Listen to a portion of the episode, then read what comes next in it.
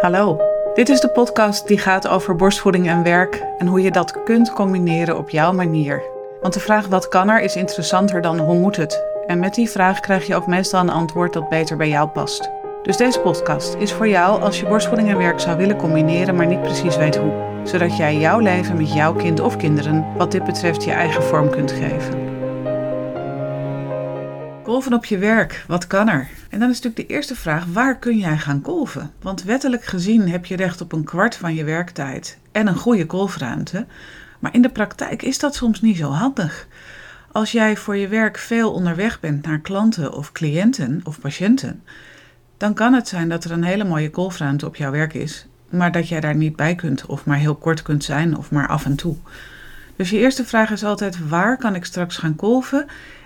En als dat niet ideaal is, wat kun je doen om het zo goed mogelijk te krijgen en om het zo goed mogelijk te gebruiken? En dan is het belangrijk om ook te bedenken: wat heb jij nodig om op je werk lekker te zitten kolven? En dat betekent dat je misschien aan de type kolf moet denken, maar ook aan je kleding bijvoorbeeld. Als je weet dat je niet altijd op een ideale plek kunt kolven, denk dan aan je kleding. Zorg dat je iets aantrekt wat makkelijk te openen is, zonder dat je meteen helemaal in je blootje hoeft te zitten. Dat is bijvoorbeeld een shirt wat je niet uit hoeft te trekken, maar waarvan je de onderste knoopjes open kan doen. Als je veel onderweg bent, dan kan het zijn dat je ondanks alles toch in de situatie komt dat je op een parkeerterrein in je auto moet kolven. Dat kan wel, het is niet ideaal, maar het kan wel als je je shirt op kunt tillen. Je legt de krant op je stuur, je doet alsof je zit te lezen, je hebt een grote sjaal over je heen en dan ziet niemand iets. Een kolf BH lijkt heel handig, maar die is in zo'n situatie helemaal niet praktisch, want dan moet je alles uitdoen, dat ding omdoen. Die is weer heel handig als je een goede kolfruimte hebt, afgesloten, slot op de deur, alle tijd. Dus bedenk wat jij nodig gaat hebben en wees daar creatief in. En als je geen goede kolfplek op je werk hebt en je hebt energie over, ga het gesprek aan. Want het is aangetoond dat als er een goede kolfruimte is, vrouwen veel fijner werken en veel fijner kolven. Dus dat dat iedereen ten goede komt. Zowel je werkgever als je collega's als jou en je kind. Heb je die energie nog niet, ga niet de barricades op. Maar kijk hoe je jouw werkomstandigheden zo goed mogelijk kan doen. Als je veel onderweg bent en je moet dus in de auto kolven, kolf niet tijdens het autorijden. Onder invloed van oxytocine word je slaperig en wazig. Dat komt het autorijden niet ten goede. En onder invloed van adrenaline komt er geen melk. Dus als je kolft tijdens het autorijden, rij je of niet veilig of je kolft te weinig. Stop even 5 à 10 minuten op een parkeerplaats en neem even de tijd om te kolven. We hoeven niet alles multitasken te doen. Dus kolftijden plannen is ook belangrijk. Je hebt recht op een kwart van je werktijd. Die heb je lang niet altijd nodig. Maar bij het bedenken hoe lang je nodig hebt om te kolven, heb je niet alleen de tijd om te kolven nodig, maar moet je ook nadenken over hoe lang ben jij onderweg naar je kolfplek. Als jij op een heel groot kantoor of in een groot ziekenhuis werkt, dan kan het zijn dat je zo al 10 minuten onderweg bent voordat je überhaupt in die kolfruimte bent. Dat kan. Maar kijk ook of je, als dat te lang van je tijd kost, misschien een andere manier kan vinden. Door nou, bijvoorbeeld een hele stille kolf te kiezen en een groot sjaal over je schouder te hangen en op een iets minder discrete plek te kolven. Wettelijk gezien kun je al die tijd nemen. Vaste tijden of juist niet, dat maakt niet uit. Een schema is niet nodig. Een beetje baby van drie tot zes maanden heeft überhaupt ook nog geen vast schema, dus je borsten kunnen schuiven. En die kolf schuift makkelijker dan je kind. Ik heb het al eerder gezegd, maar die kolf heeft geen honger. Die kun je best nu al gebruiken of straks wat later. En je hoeft ook niet altijd 100% te kolven. Dat idee dat je altijd moet gaan zitten en het hele cyclus af moet maken, dat je alle melk eruit haalt, dat hoeft helemaal niet. Je kunt soms ook even denken, nou ik haal even de spanning eraf en dan de volgende keer kolf ik wat grondiger. Dus vaak is het bijvoorbeeld midden op de dag rond lunchtijd best mogelijk om even uitgebreid te kolven, maar is het in de loop van de ochtend en de middag veel moeilijker om dat voor elkaar te krijgen. Nou, dan kolf je in de loop van de ochtend even snel de spanning eraf. En dat kun je dan misschien ook doen op een iets minder ideale plek. Even tussendoor. In je lunchpauze of rond de lunchpauze loop je rustig naar die kolfruimte. Ga je daar uitgebreid zitten kolven en loop je rustig weer terug. In de loop van de middag kolf je weer even de spanning eraf. En als je thuis bent, voed je. En als je dan nog de volle borst hebt, kolf je eventueel na. Dus je kunt veel flexibeler zijn als je dat idee van altijd 100% kolven wat losmaakt. En dat komt eigenlijk ook overeen met hoe een kind drinkt. Een baby drinkt niet altijd precies evenveel. Slok je tussendoor, slok je wat ruimer. Naarmate je langer voedt, worden je borsten sowieso soepeler. Veel vrouwen schrikken daarvan. Die denken, oh man, ik heb niet meer genoeg melk, want ik voel helemaal niet meer als ze vol lopen. Jawel, na drie, vier maanden zijn borsten aan hun nieuwe functie gewend, lijkt het. En dan blijven ze hun werk prima doen. Alleen dat hele volle gevoel, dat snel op spanning staan, dat neemt bij de meeste vrouwen wat af. Dus dat betekent ook dat naarmate je langer voedt en of kolft, je steeds meer vrijheid krijgt om een keer wat later te kolven of een keer wat eerder. En op die manier wat meer speels te zijn. Alleen als je van jezelf weet dat je hele strakke en vrij kleine borsten hebt, dus een, een strakke B bijvoorbeeld, dan heb je letterlijk gezien wat minder opslag. En dan kan het zijn dat het voor jou inderdaad veel handiger is om drie keer kort te kolven dan twee keer lang. Dus bedenk voordat je kijkt naar wat er zou moeten, ook even hoe jouw borsten werken. Kun je vrij makkelijk een voeding wat uitstellen als je kind een keer wat later komt, zonder dat je op spanning staat? Ah, dan kun je ook wat flexibeler zijn dan als je na 2,5, 3 uur al denkt: Oh, kom alsjeblieft drinken, want ik knap uit mijn naden. En het kan heel goed zijn dat je dat als je net begint met werken rond drie maanden nog wel ervaart. Maar dat je bij vier, vijf maanden al merkt: hé, hey, ik heb veel meer ruimte. En dat zegt dus niets over je melkproductie. Als je kind goed groeit op borstvoeding, dan heb je genoeg melk. Ook als je het niet meer voelt en zelfs als je niet meer altijd genoeg kolft. Als je werk geen schema heeft, kun je daar dus ook op inspelen. Bedenk dan gewoon bij elke werkdag: wat zou nu een handig moment zijn? En stel dat jij normaal rond 11 kolft, maar je hebt van 10 tot 12 een bespreking of een les die je moet geven. Het loopt anders dan je gewend bent. Bedenk dan wat voor jou gaat werken. Kun je makkelijk wat uitstellen? Nou, dan kolf je wat later en dan kolf je dan echt grondig. En plan dat dan ook in. Dus je denkt, oeh, dat wordt krap. Kolf dan voor je vergadering of les even de spanning eraf. Doe wat je moet doen en ga daarna weer even echt kolven. Als je dat doet, als, zeker als je gaat wachten dus je gaat een kolfmoment uitstellen. Pas alsjeblieft je kleding aan. Stel je voor, vergadering liep uit. Je loopt met bomvolle borsten die ruimte uit. En tegen het einde van de vergadering of op dat moment vraagt een collega: Hey, hoe is het eigenlijk met je kind? En jij denkt of zegt: Oh, hij is zo leuk. Dan kun je een toeschietreflex krijgen die zo krachtig is dat geen zalgcompress het redt. Draag even geen lichtblauw of even rood shirt. Stippeltjes, streepjes, bloemetjes, gemeleerd, breisels, daar zie je vlekken veel minder in. Dus denk ook daar even aan als je naar je werk gaat. En als je dan op je werk gaat kolven, begin dan even met de overgang maken van werk naar kolven. Van uit je hoofd even de ontspanning nemen om je lichaam die melk vrij te laten geven. je moet letterlijk van rol wisselen. Dat kun je op heel veel manieren doen. Uh, dat bespreek ik ook in de aflevering over mentaal. maar ook nu weer ga even bewust die overgang maken van werk naar kolven. En een hele praktische zou kunnen zijn: doe je schoenen uit. Stap letterlijk even uit je werk. En zodat je er straks ook bewust weer in kan stappen. En als dat betekent dat je koude voeten gaat krijgen, stop golfsokken in je tas. Rare truc, maar hij kan werken. Ga lekker even zitten. Haal ook bewust even adem. En zeker als je gespannen start met kolven, dan is die, die even die 2, 3, 4 minuten omschakelpauze nemen ontzettend belangrijk.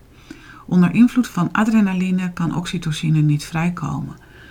En als jij net uit een rotgesprek komt of een moeilijke les of je hebt ontzettend lopen haasten om die kolfruimte te halen, stop even, neem even pauze en ga dan pas kolven.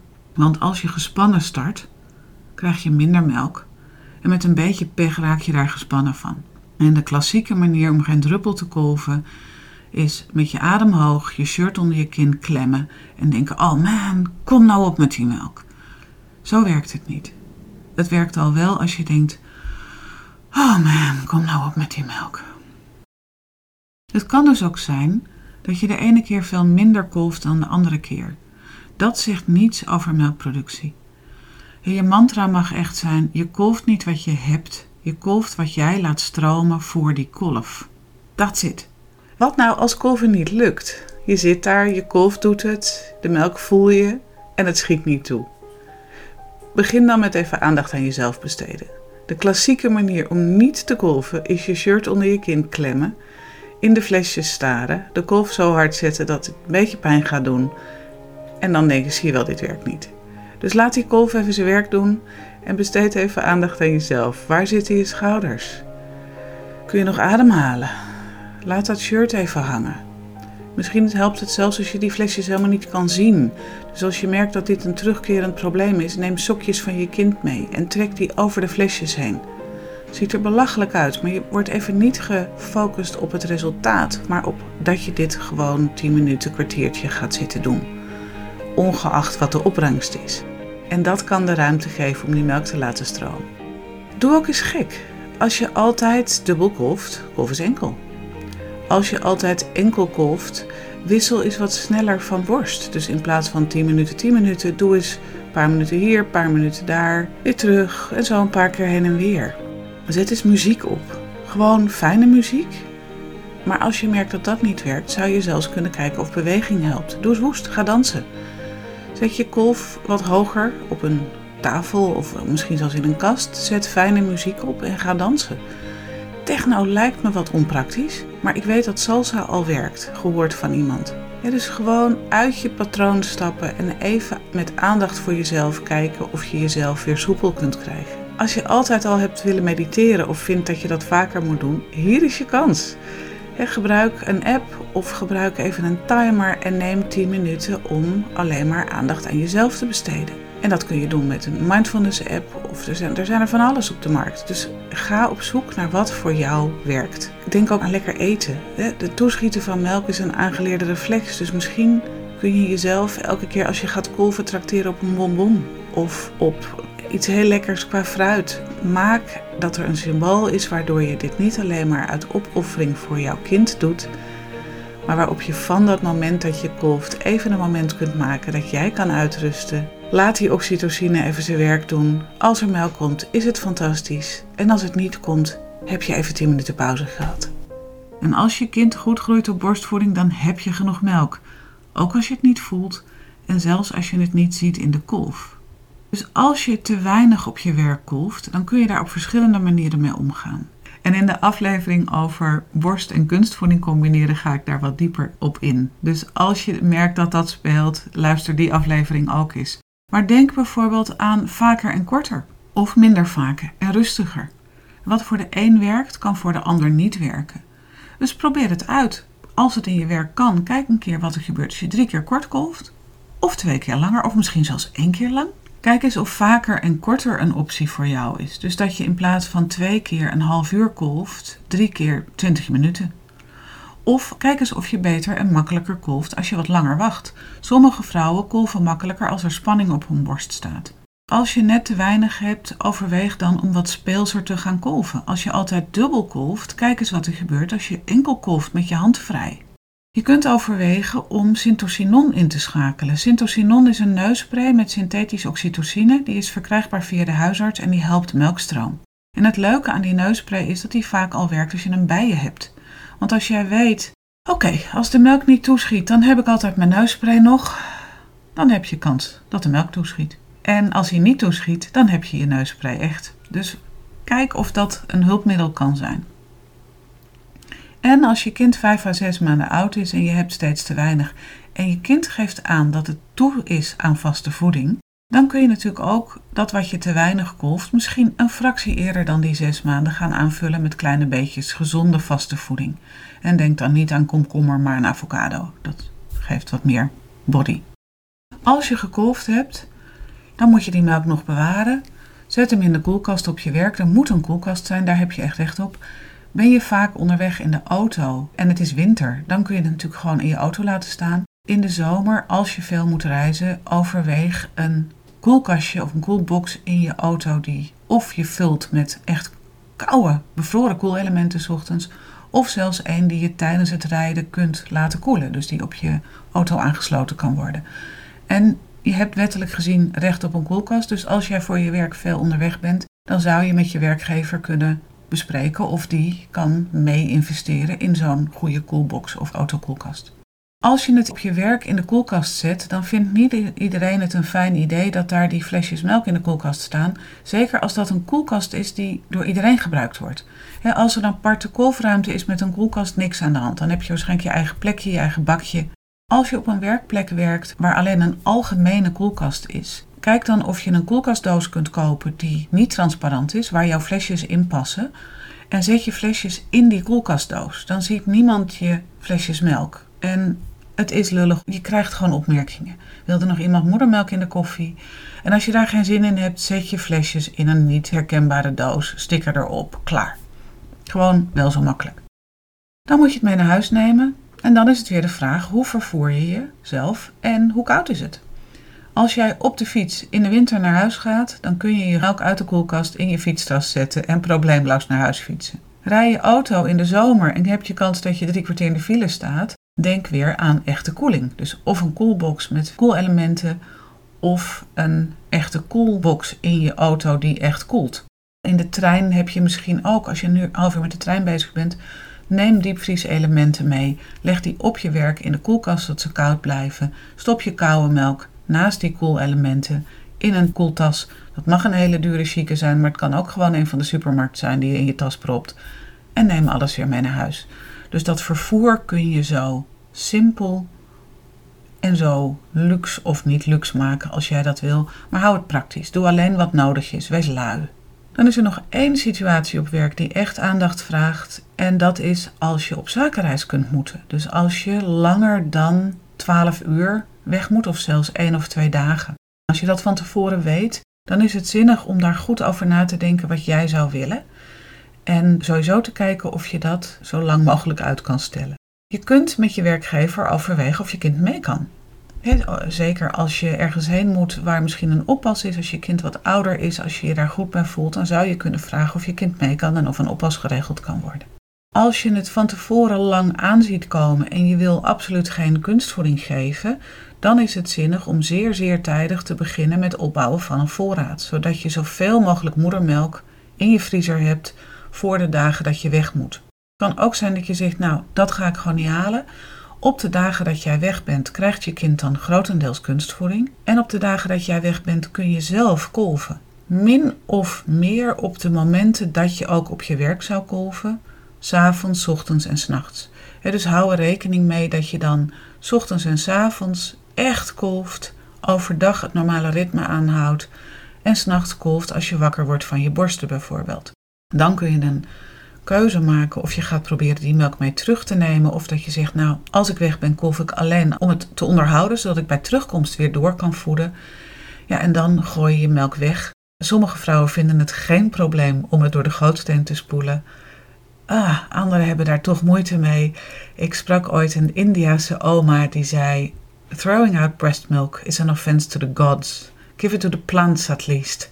En in dat geval kun je het misschien, als dat beter voor jou voelt, uitgieten aan de voet van een boom met een wens voor die boom aan jou. En dan als je terugkomt, kun je het voeden gewoon weer oppakken. De meeste kinderen wisselen heel prima weer.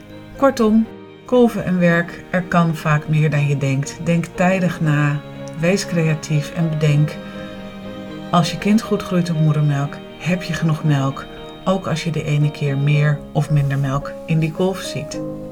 Succes!